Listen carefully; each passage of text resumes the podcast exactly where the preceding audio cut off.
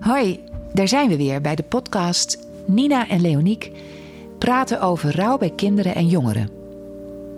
We nemen jou vandaag weer mee in de wereld van het rouwende kind. Dat doen we ook vandaag weer met koffie en een stukje chocola. Want chocola schijnt ervoor te zorgen dat je je beter voelt. En dat kunnen we bij dit onderwerp goed gebruiken. Ik ben benieuwd. Over welke tip gaan we het vandaag hebben? Dat ga ik jou vertellen, Leoniek. Ja, aangekomen bij tip 7 uit jouw boek. Uit jouw gids eigenlijk, hè, moet ik zeggen. Ja, is wel beter Uh, ja, is beter. Gids, denk ik ook. Je stelt hier vertrouwen op de veerkracht van het kind. Oh, ja, kan je daar wat meer over vertellen? Ja. Ja, het is leuk dat je die eruit pikt. Want heel vaak hoor ik, zeker van ouders, dat als een kind iemand verliest door de dood, en dat geldt ook voor jongeren, dat ouders meteen denken: oh, nu is het leven van dat kind voorgoed, ja, voorgoed kapot of zo. Of dat, dat het nooit meer wat gaat worden in het leven van het kind. En dat zijn jeugd voorbij is. En tuurlijk, laten we eerlijk zijn, het is niet makkelijk. Maar het leven hoeft niet kapot te zijn. Nee. nee, dus die veerkracht die zit hem er heel erg in. Dat, dat kinderen, als ze goed worden opgevangen, heel goed in staat zijn om een verlies te dragen. Ja, en de, de opvang ligt dus bij degene die het dichtstbij staat? Of ligt dat bij Ja, dat, anderen? ja, dat kan eigenlijk, dat kan, nou zeker natuurlijk wel de, de ouders of de ouder. Het hangt beetje vanaf wie dood is gegaan. Maar daar zit ook vaak wel de ingewikkeldheid, want die persoon rouwt zelf ook. Dus je hebt je eigen Ja. verdriet Ja, en je hebt het verdriet van je kind.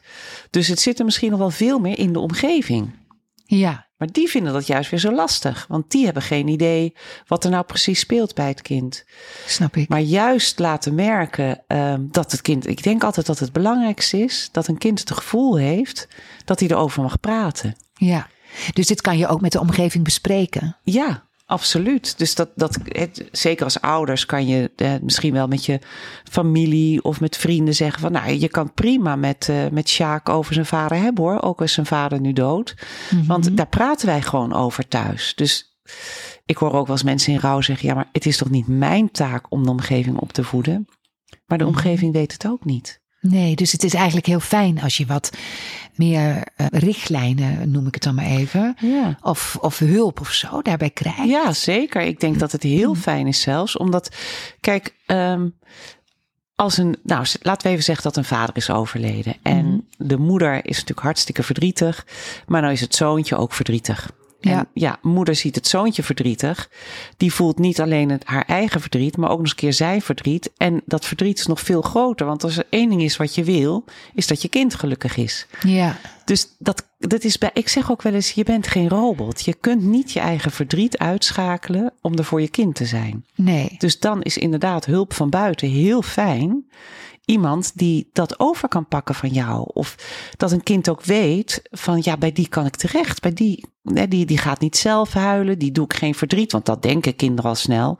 Als ik ga huilen en mama gaat huilen, dan heb ik mama verdrietig gemaakt. Ja, dus hou ik me maar rustig. Ja, precies. Hou ik maar mijn mond. Dat ik, ik, denkt een kind automatisch. Dat, zit, dat zit in een kind. gek is dat, hè? Ja, Dat is toch ja, raar eigenlijk, hè? Dat je, Ja, zo, best zo wel. werkt het. ja, Maar zo werkt het andersom ook. Wij als ouders doen het ook. Ja. Wij denken ook, laat ik maar wel. niet doen. Ja, Ja. mijn kind beschermen. Ja, dus die hulp van buitenaf, die, die is goud. Nou, En dat is ook juist vaak waar mensen zich zo eenzaam in kunnen voelen, dat die hulp dus wegvalt. ja, ja, En, en trouwens, dat vind ik ook, kinderen hoor ik ook heel vaak zeggen van, nou ja, iedereen doet net alsof het nooit gebeurd is. Niemand heeft het er meer over. ja, ja. En dan ga je knabbelen aan die veerkracht. Als dat gebeurt, dan, ja, dan vlak je iets af of zo. Maar als een kind leert, oh, dit is een onderdeel van het leven, hier kan ik het over hebben.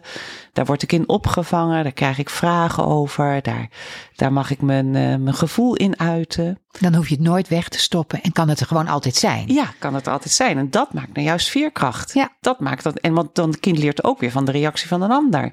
Oh, wacht even. Oh, dus ik kan ook nog steeds leuk naar de bioscoop. Ondanks dat mijn vader dood is. Ja, Want ja, dan is het en-en. Ja, En dan is het niet wel naar de bioscoop, maar niet over mijn vader praten. oh ja, ja, duidelijk. Maar ik vind het altijd zo, het is zo'n, ehm, ja, ik zeg wel eens een baken van hoop. Mhm. Om je te realiseren dat die veerkracht zo groot is bij kinderen. En ik heb natuurlijk in de loop der jaren heel veel kinderen gezien in mijn praktijk. En soms zie ik ze dan ook terug als ze volwassen zijn. En ik, ik vind het altijd, ja, bijzondere kinderen. Ja, Ze staan wel anders in het leven. ik begrijp het. Ja. Een soort andere kijk op het leven of zo. Het zijn mooie mensen. En eh, trouwens, nog eventjes ook als eh, fijne hart onder de riem. Onderzoek heeft ook uitgewezen dat maar een heel klein percentage van de kinderen later echt problemen heeft met het overlijden van een vader of een moeder of een Oh ja? zus. Ja, Ja, het is echt maar een heel klein percentage. ja, Maar het begint dus allemaal bij de juiste opvang. ja. En het is ook helemaal niet zo, want, want dat hoor je natuurlijk ook wel vaak, dat, dat mensen dan denken dat het kind meteen in therapie moet. Dat is ook niet altijd het geval. Nee, nee. Dus het is heel erg kijken van wie heb jij in je omgeving? Kan je het zelf? Kan je het zelf niet? Zo niet. Is er dan iemand in je omgeving? En ja, en als natuurlijk als een kind vastloopt, dan is het wel fijn om hulp te zoeken. Tuurlijk. Ja, Maar op voorhand, het. Ja. Eh, Gewoon fijn om eh, ook voor jezelf, denk ik, iemand of misschien meerdere personen om je heen te hebben waar je eh, naar terug kunt gaan als je zelf ook een beetje vastloopt. Ja, En dat je het op die manier kan delen. Ja. Wat natuurlijk ook heel belangrijk ja, is. precies. Ja. En ik denk ook, weet je, want dat, eh, ehm, nou, dat is ook wel mijn eigen ervaring, dat ik werd ook heel onzeker in de opvoeding. Ja, en dan ja. besprak ik dat wel eens met mensen en dan kreeg ik tips en dan dacht ik, ja, maar jij zit niet in mijn situatie. Nee. Nee, dus het is heel fijn om je verhaal kwijt te kunnen en dat iemand met je meedenkt, Ja, maar wel ook vanuit het oogpunt van het kind meedenkt. En niet vanuit zijn eigen manier van opvoeden, want dan kan het natuurlijk ook wel weer eens wat anders worden. heel duidelijk. Dankjewel. Alsjeblieft. Dit was de podcast Nina en Leoniek praten over rouw bij kinderen en jongeren. Ik ben Leoniek van der Marel, orthopedagoog, psycholoog en hypnotherapeut, gespecialiseerd in rouw en rouw bij kinderen en jongeren. Op mijn website Het Nieuwe Rouwen vind je allerlei informatie over rouw. Je vindt er blogs en vlogs en natuurlijk ook deze podcast. De regie voor deze podcast is in handen van Kiki Stordio. En zij heeft ook de muziek aan het begin en aan het eind van deze podcast gemaakt.